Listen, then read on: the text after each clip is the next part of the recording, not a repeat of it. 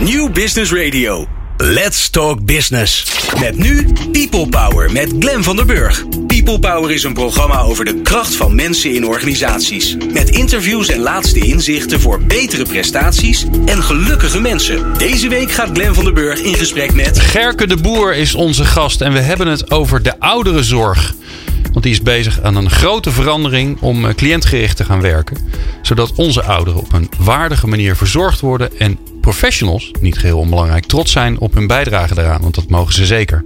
Het komende half jaar maken we een reeks van zes programma's over de mensgerichte veranderingen in de ouderenzorg. Vorig jaar gingen we al in gesprek met veranderaars van Topaas en Archipel Zorggroep. En vandaag is Gerke de Boer te gast. Hij werkt al een leven lang in de zorg. En hij is geen 15 meer, kan ik je zeggen. Hij is ook niet oud hoor, want hij ziet er nog heel fit uit. Maar hij, hij, hij werkt al een tijdje in de zorg.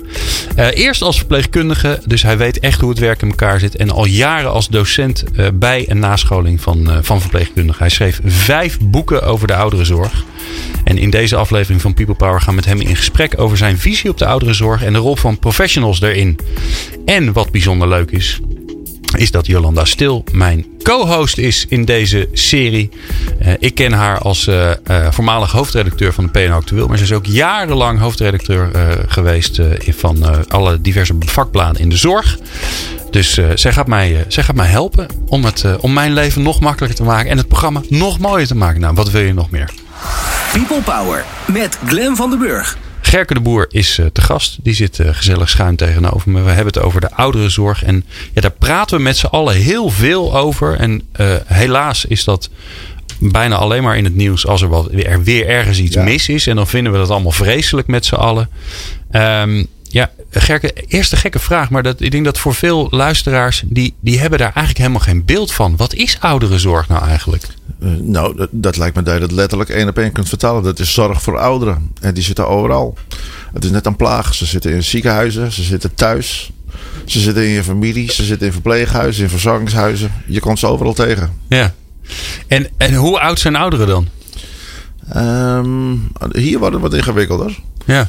Um, zeg maar, officieel zou je kunnen zeggen: het zijn mensen die in de derde levensfase zitten. In de laatste levensfase. Maar dat is wel een hele antieke opvatting. Hm. Zeg maar, vroeger was je, nou vroeger, in de jaren 50, was je stokoud als je 65 was. Dan ging je echt op zoek naar een plek in het verzorgingshuis. En dan liet je huis en haard achter je. En dan toog je blij en opgewekt naar zo'n verzorgingshuis toe. Daar had je één kamertje met een bed erin. En daar moest je de rest van je leven slijten.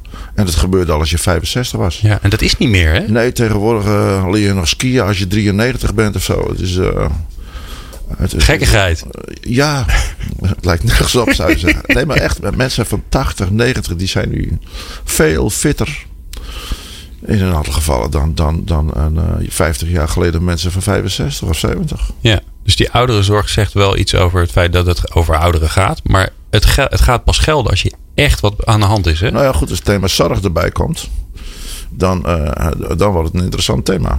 Ja.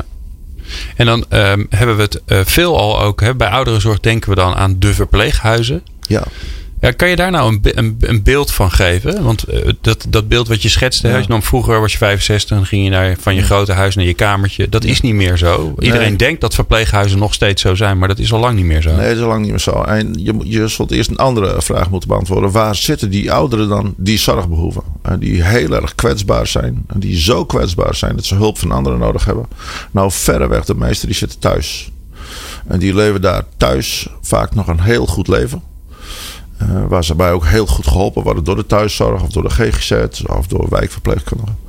En een uh, relatief klein gedeelte van die ouderen, die worden zo kwetsbaar.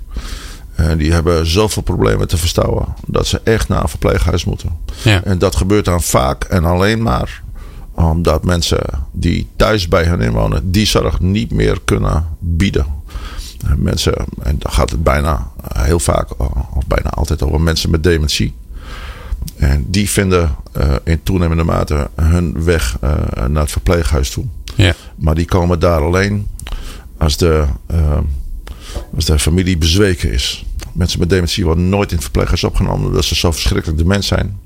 Ze worden alleen daar maar opgelopen omdat de familie het echt niet meer aan kan. Ja. Dus zolang ze thuis wonen, doet de familie heel veel? Ja. En de thuiszorg? Ja. En dat gaat vaak uitstekend. Ja. En op het moment dat dat niet meer gaat, Ja, dan gaan ze naar een verpleeghuis. klopt ja. En eh, hoe lang zijn ze dan in zo'n verpleeghuis? Ehm, dat varieert ook. Voor een paar jaar geleden was dat nog twee jaar. Dat mensen dan gemiddeld nog twee jaar in het verpleeghuis eh, konden wonen of moesten wonen. Maar tegenwoordig eh, zit het al om zo'n beetje op de elf, elf maanden. Elf maanden ja, maar? Ja, ja. Mensen, worden veel te, mensen gaan veel te laat naar het verpleeghuis toe. Jij vindt dat ze te laat gaan? Ja, ze zijn, vaak worden mensen in het verpleeghuis opgenomen. En dan zijn ze ook dwars door al hun reserves heen. Dan, eh, dan zijn ze zo verschrikkelijk beschadigd en, eh, en uit balans geraakt. Ehm, en gedecompenseerd dan. Hm. Ehm, ja, dan worden mensen echt te laat opgenomen. Ja. Ik, ben er warm voorstander van om mensen zo lang mogelijk thuis te laten wonen. Het is de beste plek om te zitten. Maar ik ben er vooral een voorstander van dat mensen zo goed mogelijk thuis wonen. En dat is iets anders dan zo lang mogelijk thuis wonen. Ja. Ja, want elf maanden, maar twee jaar overigens ook. Dat is echt de laatste fase van je leven. Ja, je zou bijna zeggen, als je naar het verpleeghuis gaat, dan ga je daarheen om te sterven. Dat is ook zo. Die Ja. mensen die laten huis en achter zich. En de laatste keer eh, dat ze nog één keer in hun klerenkast kunnen kijken. Of dat ze nog één keer door de garage heen kunnen. In de bak met gereedschap rommelen. Of nog één keer in de tuin kunnen kijken.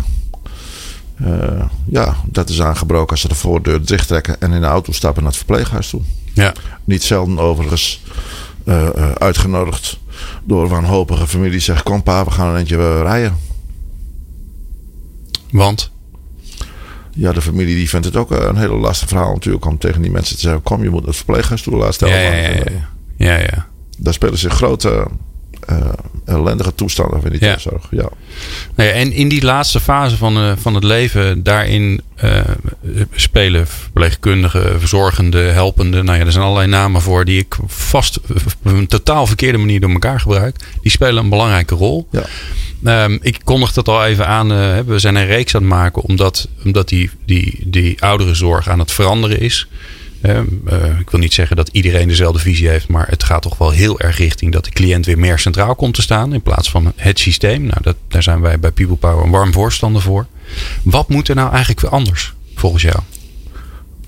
Nou, als het al veranderd is zoals je nou eh, suggereert, dan hoeft er niks meer te veranderen. Nee, nee. Ik Maar heb het- twijfels ja. er nog wel eens bij hoor. Nee, nou, of ja, iedereen die kant wel op gaat. ja. Ik kom nog steeds op een heleboel plekken waar de organisatie zelf centraal staat. En waar werkschema's van professionals centraal staan. En waarbij het aanbod centraal staat. En dat moet anders. En wat mij betreft wel, ja. Ja. Ik denk wat, wat een heleboel eh, mensen die in zo'n verpleeghuis moeten wonen, die zouden dat ook wel prettig vinden, denk ik. Wat- En, en we doen het niet eh, om te jennen, hè? Je, je, je- maar het komt ook een beetje omdat je vastzit in een fantastische succesformule, die al een jaar of 40, 50 eh, de, boventoon voert. Dat vertrouwde medisch model. Waarin eh, eh, eh, ja, wij als hulpverleners met elkaar een voorstel maken wat het beste is voor meneer Jansen die er komt wonen. En dat hoeft niet noodzakelijkerwijs het idee te zijn van meneer Jansen zijn idee zelf van een goed leven.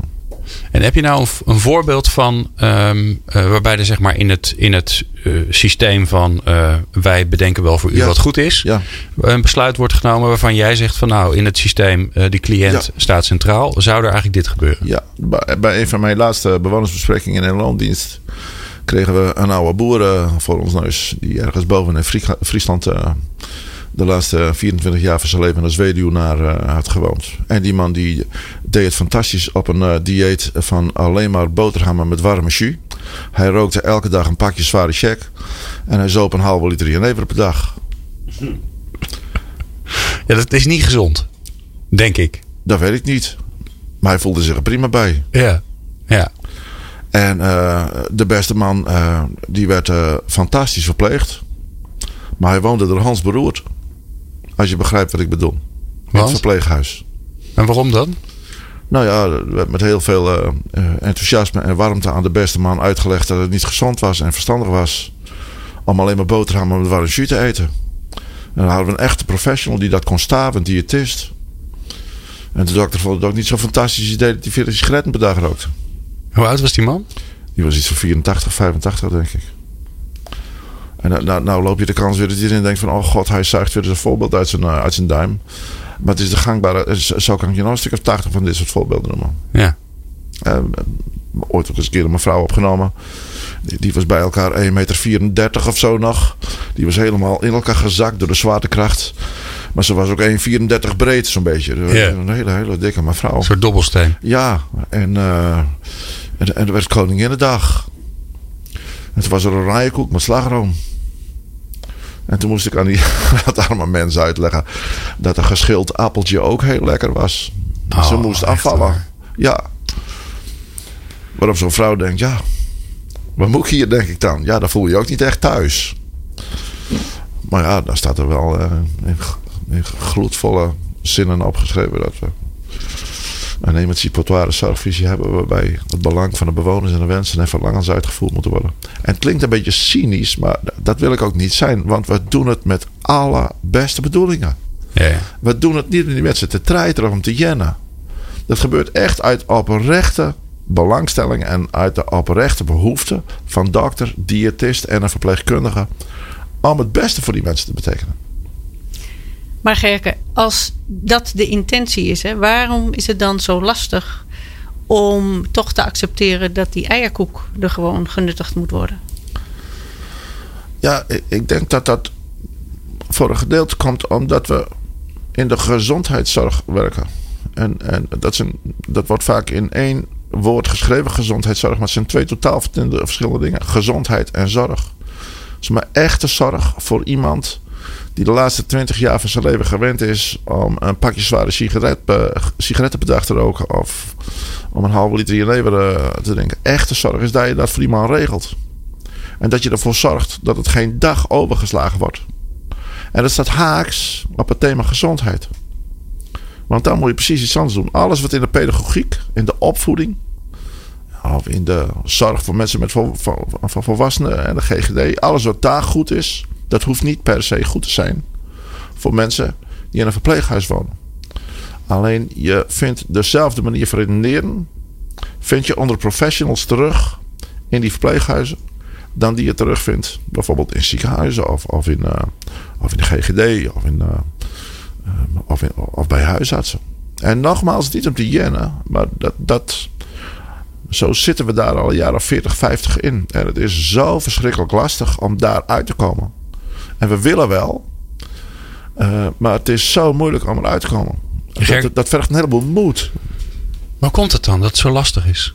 Waarom is het nou zo lastig? Want Nou, jouw voorbeeld is eigenlijk is het voor, voor iemand makkelijker, zou ik zeggen, om te zeggen: joh, blijf lekker roken. En, hè, want iemand wordt, iemand wordt ook makkelijker als hij zijn gewoontes kan behouden, dan dat jij zegt: nee, dat mag niet. Nee. Als ik, als, ik, als ik met mijn kinderen, dat zijn pubers, als ik, te- als ik overal ja op zou zeggen, dan zou ik op de korte termijn een heel makkelijk leven Ja, hebben. ja, en dan zouden de kinderen zouden ook vreselijke volwassenen worden. Dus alles wat in de pedagogiek en opvoeding verstandig is, dat hoeft niet per se verstandig te zijn in de Nee. zorg voor oude mensen. Eh, sterker nog, ik vind dat wij eh, achter eh, gewoonten, waar stokoude mensen vaak aan gehecht zijn, waar ze hun hele leven aan gehecht zijn, en die hen het gevoel geven: ik kan hier mijn eigen gang gaan. Ik vind dat we hen moeten helpen bij die gewoonten. En ik vind dat we moeten, mensen moeten helpen om hun eigen gang te gaan. En dat staat haaks vaak op wat wij als professionals vaak gezond vinden. Dus de vraag is: maak je nou een keuze eh, voor wat mensen gewend zijn? Of maak je een keuze voor wat gezond is voor mensen? En in het mooiste geval kun je die twee dingen bij elkaar brengen. Ja. En ehm, eh, in- het slechtste geval kom je als professional vreselijk in gewetensnood te zitten. Want ik vertel het hier wel met smaak. En het is een prachtig voorbeeld. Maar als er één eh eh, Hans Broert werd van het idee dat ik de beste man zijn 34 sigaret eh, per dag in, in de brand moest steken onder zijn neus, omdat hij het zelf niet meer kon, dan was ik het. Mhm. Ik vond het echt niet leuk om die man 40 sigaretten per dag te geven. Omdat ik ook wel zag hoe benauwd hij ervan werd. Ja. Maar goed, dat was een andere moeilijkheid. Dan de moeilijkheid die ik zou hebben gehad. als ik die sigaretten geweigerd zou hebben. Dus je komt altijd in de problemen. Je krijgt altijd moeilijkheden. Alleen de vraag is: voor welke moeilijkheden kies je?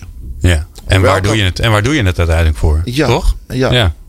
We gaan zo uh, verder praten met uh, Gerke de Boer. Sterker nog, we gaan zelfs uh, even bellen met Dineke Smit. Zij is directeur van de woonzorgboerderij Rijgershoeve in Heemstede.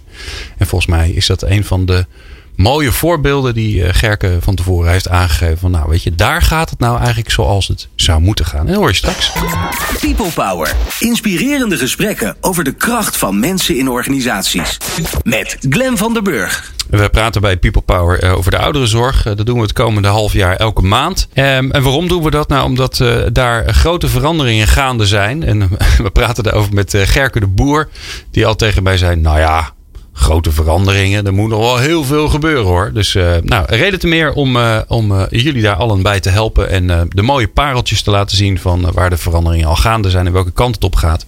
Waarom wij dat bij People Power zo interessant vinden, is omdat het allemaal mensgerichter wordt. De cliënt komt meer centraal, de professional krijgt meer ruimte. Dus dat vinden wij een goed idee. aan de telefoon hebben we Dineke Smit. En zij is directeur van woonzorgboerderij Rijgershoeve in Heemstede. Ik ga eerst even aan Gerco, Gerke vragen waarom dit nou eigenlijk een goed voorbeeld is? Ik denk dat uh, op de Rijgershoeve dat ze er daarin geslaagd zijn om een hele heldere visie uh, te formuleren over hoe mensen met dementie in hun laatste levensfase nog zo aangenaam mogelijk kunnen wonen. En uh, dat is iets anders dan ergens zo aangenaam mogelijk verpleegd worden. En in de Rijgershoeve, daar hebben ze een visie op wonen. En, en ze slagen erin om met elkaar, dus ook met de collega's die daar daadwerkelijk op die woongroepen werken, die visie elke dag proberen tot uitvoer te brengen. En daar zijn ze heel consequent en consistent in. Mooi. En ze zullen tegen de meest afschuwelijke problemen aanlopen. Want dat zit gewoon aan die dementie vast. Maar het woont daar heel anders in die rijgershoeven. Ja. Dieneke? Ja. Die kun je vast ja. in je zak steken. Gefeliciteerd. Ja, dankjewel. uh, een woonzorgboerderij. Als ik, bij jou, ja. uh, als ik bij jou aankom rijden met de auto, wat zie ik dan? Uh, nou, je ziet toch in eerste instantie een uh, groot gebouw. Maar als je tussen de gebouwen doorkijkt, dan zie je dat die gebouwen uitkomen op een uh, groot stuk land met een soort kinderboerderij. Dus er zijn allemaal beestjes waar mensen naar kunnen kijken en een grote moestuin waar vast hier en daar wat vrijwilligers rondlopen om daarin te klussen. Dus het, het voelt heel, nou ja, open en warm aan, denk ik, als je binnenkomt. Oké, okay, en, en ja. ik, ik, stel me bij een woonzorgboerderij stel ik me het platteland voor, polder, ja. Uh, en dus niet midden in, in de stad ergens. Nee, precies. We zitten in een agrarisch gebied. Dus uh, in een eigenlijk bollenstreek. Oké. Okay. En uh, daar, uh, nou ja, ergens is onze boerderij. Maar het ziet er niet uit als een ouderwetse boerderij. Het is wel nieuwbouw. Maar Ja. wel zo, nou ja, prettig mogelijk. Het is geen groot verpleeghuis flatgebouw. Zo. En Gerke die, die prijst jou, uh, of jullie moet ik zeggen, want je doet het niet alleen natuurlijk. Uh, als voorbeeld hoe, hoe, het, uh, hoe het moet. En dat jullie, jullie visie van wonen, dat dat zo mooi, ja, zo, zo, mooi is voor, voor mensen met dementie vooral. wat als je nou die visie voor jezelf moet omschrijven, hoe zou je dat doen? Uh, nou ja, ons belangrijkste uitgangspunt is dat mensen met dementie in eerste plaats gewoon mensen zijn. Dus uh, mensen uh, hebben behoeftes, ook mensen met dementie hebben behoeftes als ieder ander. Denk aan bijvoorbeeld erbij horen of bezig kunnen zijn of je nuttig voelen of warmte en liefde ervaren. En dat klinkt een beetje zweverig, maar ja, de ziekte maakt niet dat dat weg is, die behoeftes. En, uh, maar de ziekte maakt wel dat jij zelf minder goed in staat bent om die behoeftes te vervullen. En daar heb je de omgeving voor nodig. Dus daar zijn wij in onze visie heel erg op gericht. Wat heeft iemand voor, ja, uh, heeft elke persoon nodig uh, om die behoefte, om zich prettig te kunnen voelen. En daar zijn wij dus zo op gericht. En, en, ja. en vervolgens natuurlijk de vraag, en hoe doe je dat dan? Want ja. het klinkt zo logisch. Ja, nou maar eigenlijk is dat het ook. het is uh, heel erg makkelijk. Uh, tenminste, natuurlijk sta je voor uitdagingen. Maar wij zijn, denk ik, uh, ik en mijn vader hebben de zorgboerderij opgericht. En één groot voordeel is, denk ik, dat wij zelf niet uit de zorg kwamen. Dus wij waren nog niet zo erg besmet met alle regels die zijn ontstaan in zorgorganisaties, denk ik. En daarom kunnen wij soort van met boerenwijsheid kijken naar ja, wat kan eigenlijk allemaal, uh, wat is mogelijk. En dan is er veel meer mogelijk dan dat we met z'n allen denken. We moeten niet zo erg uh, gericht zijn op de risico's van het leven, maar meer uh, kijken naar wat mogelijk is. En, en daar zijn we op gericht. Dus het vergt eigenlijk vooral veel ja zeggen tegen allerlei vragen. En niet op voorhand nee. Oké, mooi. Ja. Maar ook dat klinkt heel eenvoudig. Heb je nou een voorbeeld van waarvan jij zegt van ja, dat doen wij anders en dit is het effect ervan? Uh, nou ja, dus inderdaad ja zeggen. Dus als iemand hier uh, komt wonen, uh, mensen zijn geneigd om gelijk te denken van mensen met dementie, die moet je heel erg beschermen. het moet een veilige omgeving zijn. Mensen mogen niet alleen naar buiten. En wij beginnen bij, oké, wie is de persoon? Als, de persoon als een persoon bij ons komt wonen, dan kijken we in eerste plaats wat hier nog wel kan. Dus uh, wij doen niet per definitie ons hek dicht voor de bewoners. Nee, we kijken eerst, is het voor die persoon nog mogelijk om wel alleen buiten het terrein te lopen bijvoorbeeld. En pas als blijkt dat dat niet kan, of dat dat wel gevaarlijk is, dan zeggen we oké, dat kan niet zonder meer. Maar vaak zijn we gewend om andersom te denken. Dus dat mensen eerst zeggen al van uitgaan, nee, iets kan niet. Uh, iemand mag niet uh, naar buiten, want iemand heeft dementie. En daarbij ga je eigenlijk voorbij aan kijken naar het individu. Dus dat, nou ja, dat is een, maar een heel belangrijk voorbeeld. En verder kom je over ja, eh, het voorbeeld wat Gerke noemde over het uh, eten en drinken van mensen. We hebben ook een mevrouw gehad die was gewend vanuit thuis om alleen nog maar broodjes en taart te eten. Heerlijk. Ja, natuurlijk geef je dat. Zeker aan het begin, uh, omdat het wennen hier al erg genoeg is. Uh, zeg maar natuurlijk, je probeert een mooie omgeving te bieden. Maar het verhuizen naar een andere plek dan thuis is gewoon moeilijk. En je moet alles aan doen om het zo prettig mogelijk te maken, die, uh, die overgang van thuis naar zo'n woonsituatie als dat van ons. Maar ja. Dieneke, waar ik nou zo benieuwd naar ben, hè, want we hebben het net met Gerk al over gehad dat het uh, van medewerkers een, een omslag uh, vraagt. Ja. Maar wat betekent dat voor je, je werkplezier? Ja. Ja, nou ja, de medewerkers die hier uh, komen werken, die uh, veel werken ook al heel lang in het verpleeghuis. Dus het vergt ook wel daadwerkelijk een omschakeling om echt anders te denken. En dan gaat het met name om loslaten. Dus uh, ja, iemand kan bij ons de tuin inlopen. en iemand kan dat alleen en we hoeven er niet naast te lopen. Hè, in, in principe. En, um, maar dat vraagt wel inderdaad loslaten. Dus ja, dat jij daar dan niet naast loopt en eventjes niet weet wat er met die persoon gebeurt. Elke seconde, elke stap die die zet. Dat vraagt uh, loslaten. Uh, geeft of, dat ook kopzorgen? Of, uh, of wen je daar snel aan? Uh, het geeft uh, aan het begin een beetje paniek. maar als je ziet wat, het, uh, wat voor goed het mensen doet en dat het ook zoveel kansen geeft en inderdaad dat mensen echt gaan leven, dan merk je ook een soort opluchting bij medewerkers. En, dan, en heel veel mensen die hier werken, die vinden eigenlijk waar zij voor de zorg in zijn gegaan. Namelijk om mensen nou ja, goed te verzorgen, maar ook persoonlijke aandacht te geven en vrijheid ja, goed bij te staan.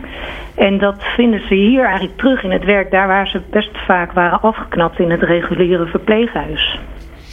Uh, Dieneke, ja. uh, laatste vraag voor jou. Want ik vind het wel grappig dat je zegt... Ja, wij krijgen mensen die, die gewend zijn om in, in tussen aanstekens normale verpleeghuizen te werken.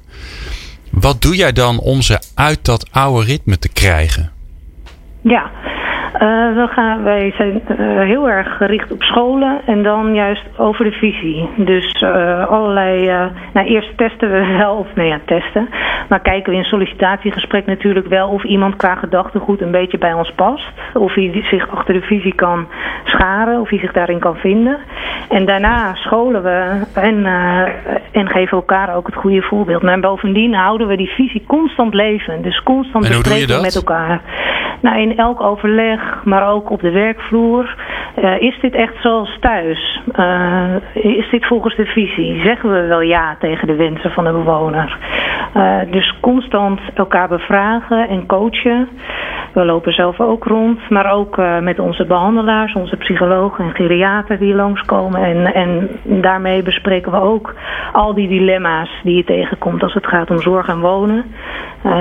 en die complexiteit die de ziekte met zich meebrengt. Ja. ja. Nou, mooi. Ik denk dat ik wel bij jou oud zou willen worden, het laatste beetje. Gerke, uh, ja, het is een beetje voor jou uit de buurt, maar... Uh, ik uh, blijf in Friesland. Je blijft toch in Friesland? Ja. En, maar moet Dieneke dan bij jou in de buurt een, ja. iets, iets gaan beginnen? Ja. Oké, nou Dieneke, je kan gaan uitbreiden. Het duurt nog even. We willen klein blijven. Dat is ook de kracht. Ja, dan moet je gewoon een, een, leuke ondernemer in Friesland vinden die je gaat helpen. ja, dat lijkt me goed. Ja. Uh, Diederik Smit van uh, Woonzorg Boerderij Langwoord. Is dat uh, Rijgershoeve uit de Heemstede. Dankjewel Dieneke voor jouw bijdrage. Oh, Heemskerk. Ja. Och, nou dat maakt nog wel uit zeg. Ja. Um, dankjewel uh, voor je nou, verhaal. En bijzonder leuk dat je even in de uitzending wilde komen. Oké, okay, goed. Tot ziens. Dag. Straks uh, uh, is het tijd voor een gelukkig nieuwjaar. Want het is de eerste uitzending van People Power, wel tweede uur. En, um, maar ja, wat wens je elkaar eigenlijk als je gelukkig nieuwjaar wenst? Wat houdt het eigenlijk in? Nou, dat hoor je straks. Dat ga ik eens even haarfijn voor je toelichten. People Power met Glen van den Burg. Meer luisteren? people-power.nl Ja, gelukkig nieuwjaar. Dat is uh, wat ik jullie allemaal wens. Maar de vraag is natuurlijk, wat bedoelen we daar eigenlijk mee? Denk je daar eigenlijk wel eens over na? Nou, ik moest er wel over denken vanochtend in de trein. Toen ik uh, mijzelf bedacht. Ik ga zelf ook eens een column schrijven voor mijn eigen programma. Ja, wat betekent het als jij je collega's uh, gelukkig nieuwjaar wenst? Geluk is namelijk best wel een lastig woord. Want zolang je niet precies weet wat het is, kun je daar urenlang over bomen. Dat moet je vooral doen ook in de kroeg. Dat blijft ook altijd hartstikke leuk. Maar misschien kan ik je een beetje erbij helpen. Uh, professor Martin Seligman is aanvoerder van de positieve psychologie. En hij heeft antwoord op de vraag: wat is een gelukkig leven? En dat kan ons dus helpen op de vraag: wat wensen we elkaar eigenlijk?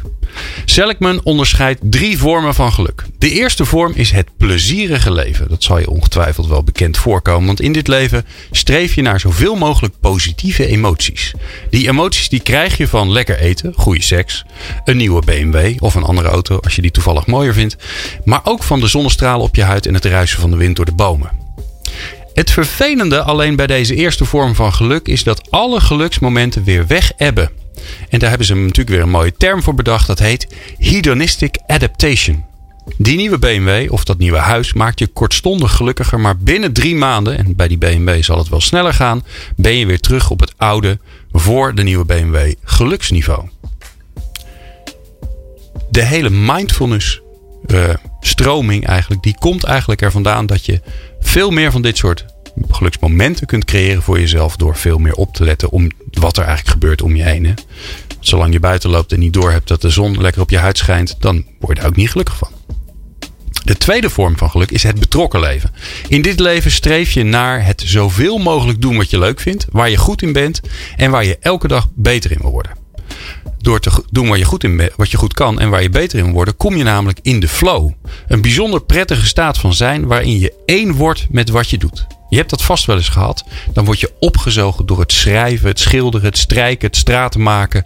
Je hebt geen besef van tijd meer. Je vergeet de omgeving om je heen. Je bent in opperste staat van concentratie. En in deze staat heb je geen emotie. Daar wordt nog wel eens verkeerd over gedacht. Sterker nog, sommige mensen zeggen: Oh, wat zit ik lekker in de flow. Nou, als iemand dat zegt, dan weet je één ding zeker: die is er net uit. In de flow zijn, en dat is wel interessant in het kader van people power in organisaties, is de meest productieve staat van zijn. Dus eigenlijk zouden wij ervoor moeten zorgen dat je in organisaties zoveel mogelijk in de flow komt. En het mooie is, en dat is dan ook weer leuk voor gelukkige mensen, flow vindt meer plaats op het werk dan in privé situaties.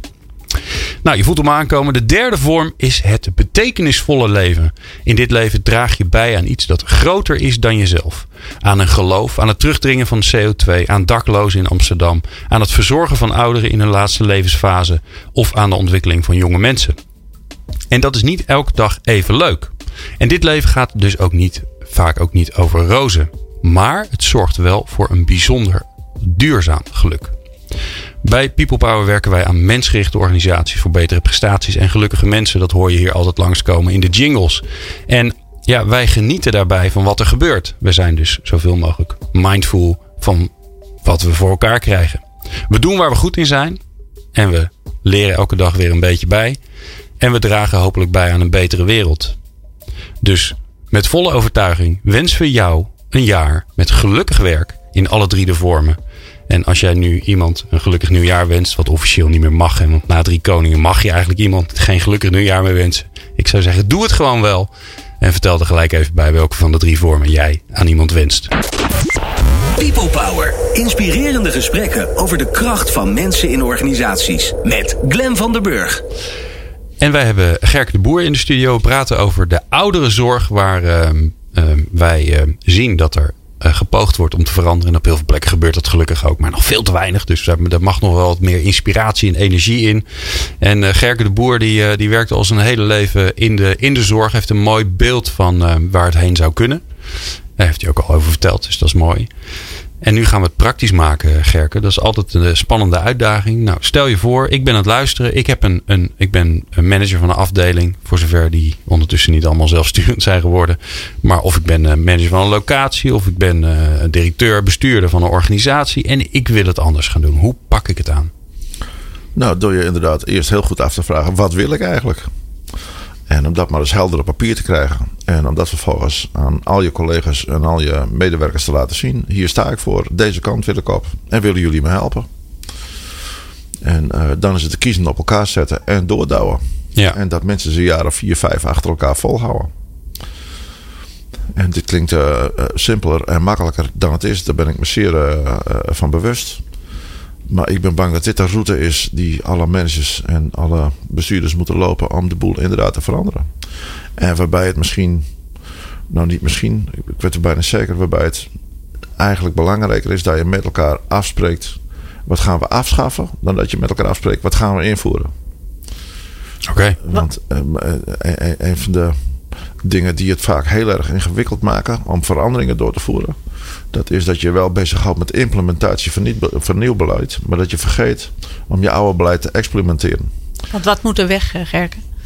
Nou ja, um, als ik voor mijn eigen beroepsgroep mag spreken, uh, verpleegkundigen en verzorgenden. Ik denk dat wij nog steeds ons ontzettend aangetrokken voelen tot de taakverpleging. Dat, je, dat we langs lijstjes en schema's en routes ons werk handen en voeten geven. Het is wel lekker als je iedereen s'nachts om kwart over negen eruit hebt. Het is ook wel weer prettig dat iedereen om half elf in de koffie zit. En het is ook wel weer fijn als iedereen s'avonds om half tien in bed ligt. En dat geeft je als verpleegkundige ook de nodige feedback. Zo van, oké, okay, ik zit er goed in vandaag, weet je wel. Ze zijn er keurig op tijd uit. En, uh, ik ben op schema. Ik zit op schema. En dat is wat ik net bedoelde van, uh, wat zet je nu centraal in je werk? Is dat nou echt hetgene wat die mensen gewend zijn en wat ze, waar ze zich prettig bevoelen en waarin ze hun eigen gang kunnen gaan? Of stel je je eigen routes en schema's in het werk centraal? En het is een hele lastig om daar vanaf te komen. Want die routes en schema's die komen ergens vandaan. Ja. En die dat, hebben soms ook een functie. Ja, ja goed. Dat, is ook, dat bedoelde ik net ook door te zeggen. Van, het is een fantastische succesformule voor 40 jaar. Zo hebben we 40, 50 jaar gewerkt. En voordat je dat afschaft. En voordat je daarvan af bent. Dat vergt ontzettend veel moed. En het vergt een heleboel overleg en praten met elkaar.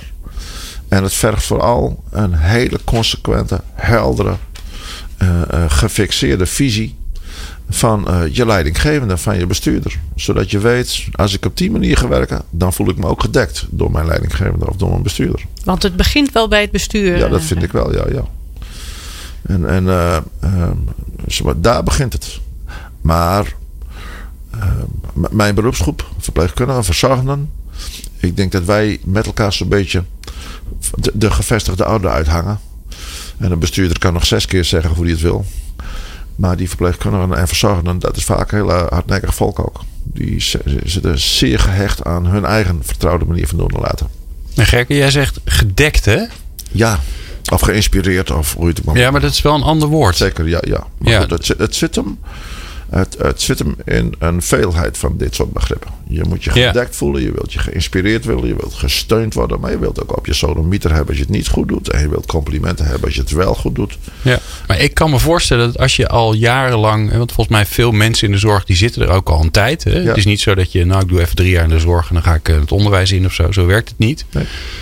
Dat die, ehm, eh, dat als je, als je van datgene wat je geleerd hebt, wat je gewend bent, af moet wijken, Ja. dat, voelt, dat voelt eng. Ja. Dan denk je, ja, ik ga iets anders doen, maar is dat wel goed? Want dat staat nergens. Hè? Want jij vraagt eigenlijk aan mij, eh, als professional in de zorg, zeg Ja. ja, joh, doe wat, wat in het belang van deze cliënt is. Wat past bij deze cliënt. Ja. Dus de een haal je er om zes uur uit, want die is gewend om voorop te staan. En de ander om elf uur, want die vindt het lekker om uit te slapen. Ja. Maar dat staat nergens.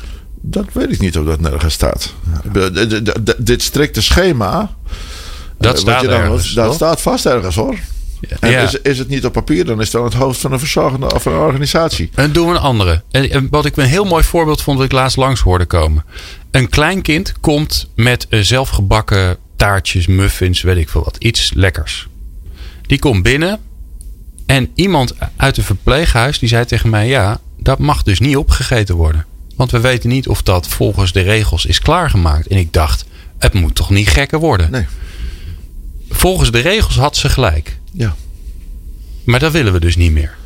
Ehm, ik weet niet of het inderdaad, of ze volgens de regels gelijk had. Oké. Dat wordt wel eens gezegd in die verpleeghuizen. Ja, ja, het wordt ook een beetje gebruikt als een soort scherm van. Eh, Ja, misschien wel. Ik, ik vind het wel wat hebben als je dan zegt, nou ik weet niet of het mag, maar doe maar. Leuk.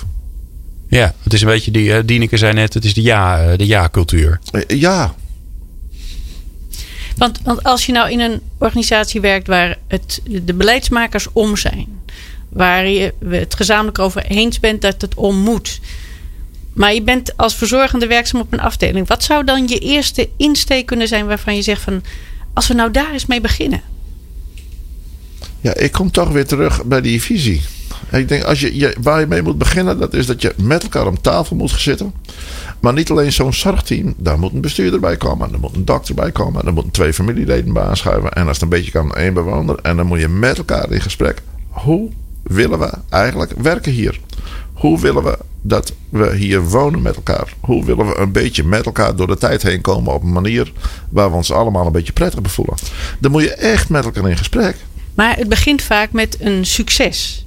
Hè, waarvan je kan zeggen van kijk op die manier werkt het. Ja. Kan Nou, je een voorbeeld geven van Ja. zo'n succes? Ja. Een voorbeeld van een succes, dat is een meisje van zes jaar die met een zelfgebakken muffin in een verpleeghuis komt. En waarvan je dan als collega zegt: Leuk, geweldig, wat lief dat je dat voor je allemaal doet. Kom binnen. En als er dan toch iemand met de richtlijnen aankomt, dan? Die kan doodvallen. En als dat een conflict oplevert? Nou ja, je krijgt, je, een conflict krijg je hoe dan ook. Je krijgt een conflict of met het meisje van vijf jaar. Of je krijgt een conflict met, die familie. Of je krijgt een conflict met je collega's die vinden dat het wel had gemoeten. Of in geval dat je het wel hebt gedaan, dan krijg je een conflict met collega's die vinden dat je dat niet had moeten doen. Conflicten komen er. Hoe creëer De je... vraag is, langs welke beleidslijn los je dat conflict op? Uit welke pool haal je je oplossing? En die oplossing, die pool moet aangeboden worden, vind ik, door een bestuurder. Die zegt, in dit soort situaties gaan we dat doen en dat doen en dat doen. En ik weet zeker, als je een meisje van vijf jaar bij de Rijgershoeve bij Dieneke Smit met een zelfgebakken muffin binnenkomt, dan kan ik je voorspellen wat al die medewerkers van de Rijgershoeve zullen zeggen tegen een meisje van vijf jaar. Omdat ze weten, ik heb een directeur. En die rekent me daar en daar en daarop af. Dat is een voorbeeld van een succes. Ja. En dit, het grappige is, hè, want dit, het- als je zo'n voorbeeld erbij haalt, dan, dan krijg je ook een soort van de idiotie van hoe, hoe het nu werkt.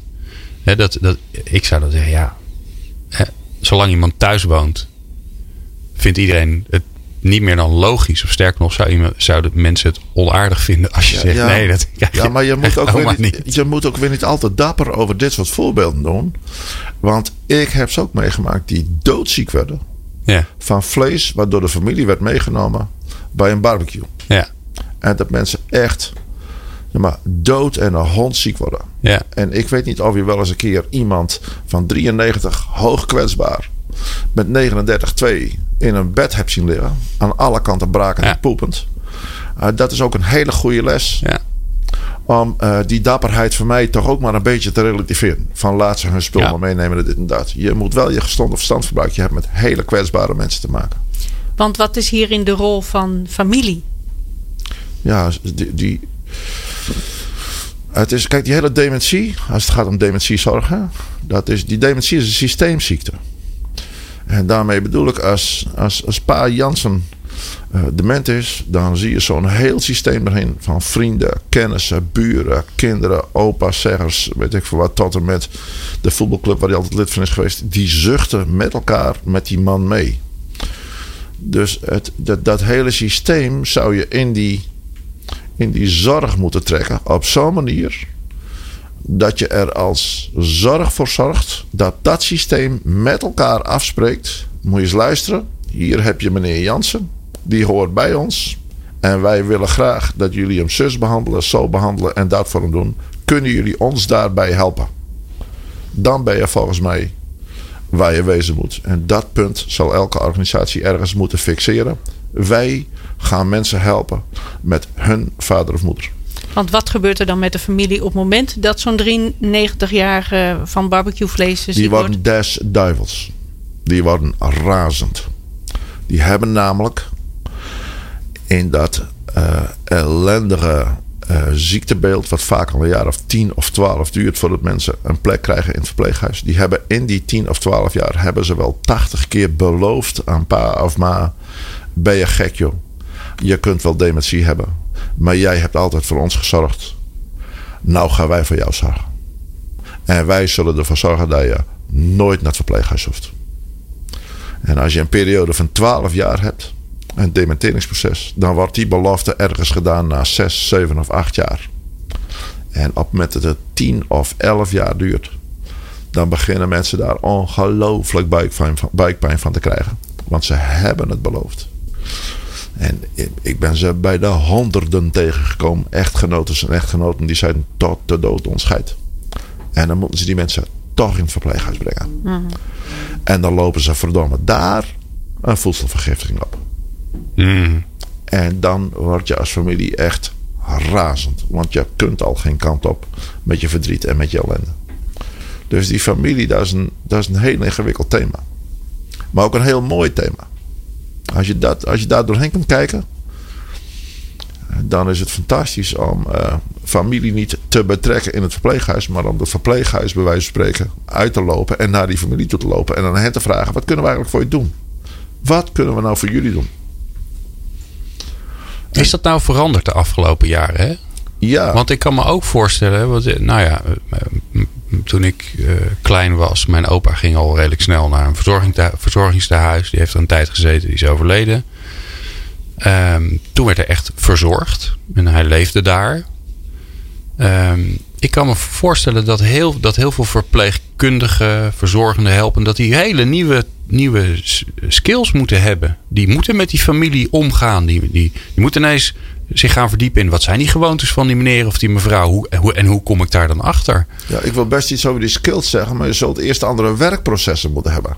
Kijk, okay. het, het werkproces toen ik het verpleeghuis kon werken in 1981. Uh, daar werd niet met familie gesproken. De bewoner werd in het verpleeghuis gebracht. En dat was het. En uh, uh, ze kwamen op bezoekuur. Zaterdagmiddags twee uur. En woensdagsmiddags twee uur. En als ze doodgingen, dan werden ze gebeld. Uw moeder is overleden. En en, en zo'n beetje vanaf halverwege de jaren 80 tot begin jaren, laten we zeggen 2000, 2005. Toen gingen we dat veranderen. En toen, toen gingen we zeggen, nou, dan hadden we een bewonersbespreking bijvoorbeeld op woensdag. En dan belden we op dinsdag op en zeiden, uw moeder wordt morgen besproken. Is er ook iets wat u wilt weten of besproken wilt hebben? Zo ja, zo nee. Dan bellen we donderdag even terug wat er uitgekomen is. Dus familieinformatie. Dat is dus steeds geen familieparticipatie. Mm. En pas de laatste tien jaar doen we aan familieparticipatie. En nodigen de familie uit om bij bewonersbesprekingen aan te schuiven en dat soort dingen. Maar nog steeds nodigen wij hun uit om bij onze besprekingen ja, aan te schuiven. Ja, ja. En waar ik eigenlijk naartoe wil, dat is dat je tegen een familie zegt: moet je eens luisteren. Als je een bewonersbespreking wilt, prima, kan wel. Zeg maar wanneer het moet gebeuren, wie erop moet komen draven. Wij komen er wel bij zitten. En dit is waar een heleboel organisaties doodsbang voor zijn. Ja. Want dan geven ze de regie uit handen. Het wonderlijke is, onder de streep blijft alles hetzelfde. Want dan zegt de familie, nee het is wel goed, organiseren jullie het maar. Maar dan hebben zij de keuze gemaakt. Ja, mooi. Gerke, dankjewel. Uh, we kunnen nog uren doorgaan. Maar uh, ja, de tijd is op. Dat is altijd een beetje vervelend van, uh, van radio. Op een gegeven moment zit, zit, ben je gewoon door het uren. En die tikt gewoon door. Um, na dit soort uren, nou Jolande, ik weet niet hoe jij dat ziet. Maar ik ben alleen maar gesterkt in het feit dat we een goede keuze hebben gemaakt. Om hier het komende half jaar aandacht aan te besteden. Ik, Absoluut. Ik denk dat er, wat ik heel fijn vind, is dat jij naar binnen hebt gebracht. En met de luisteraar hebt gedeeld wat het nou eigenlijk is. Want we kunnen, kunnen er wel over praten. Maar jij hebt uh, voorbeelden laten zien wat nou die laatste jaren van, van je leven, hoe dat in elkaar zit, hoe we dan voor mensen zorgen en wat er belangrijk in is. Dus dankjewel daarvoor, Gerke de Boer.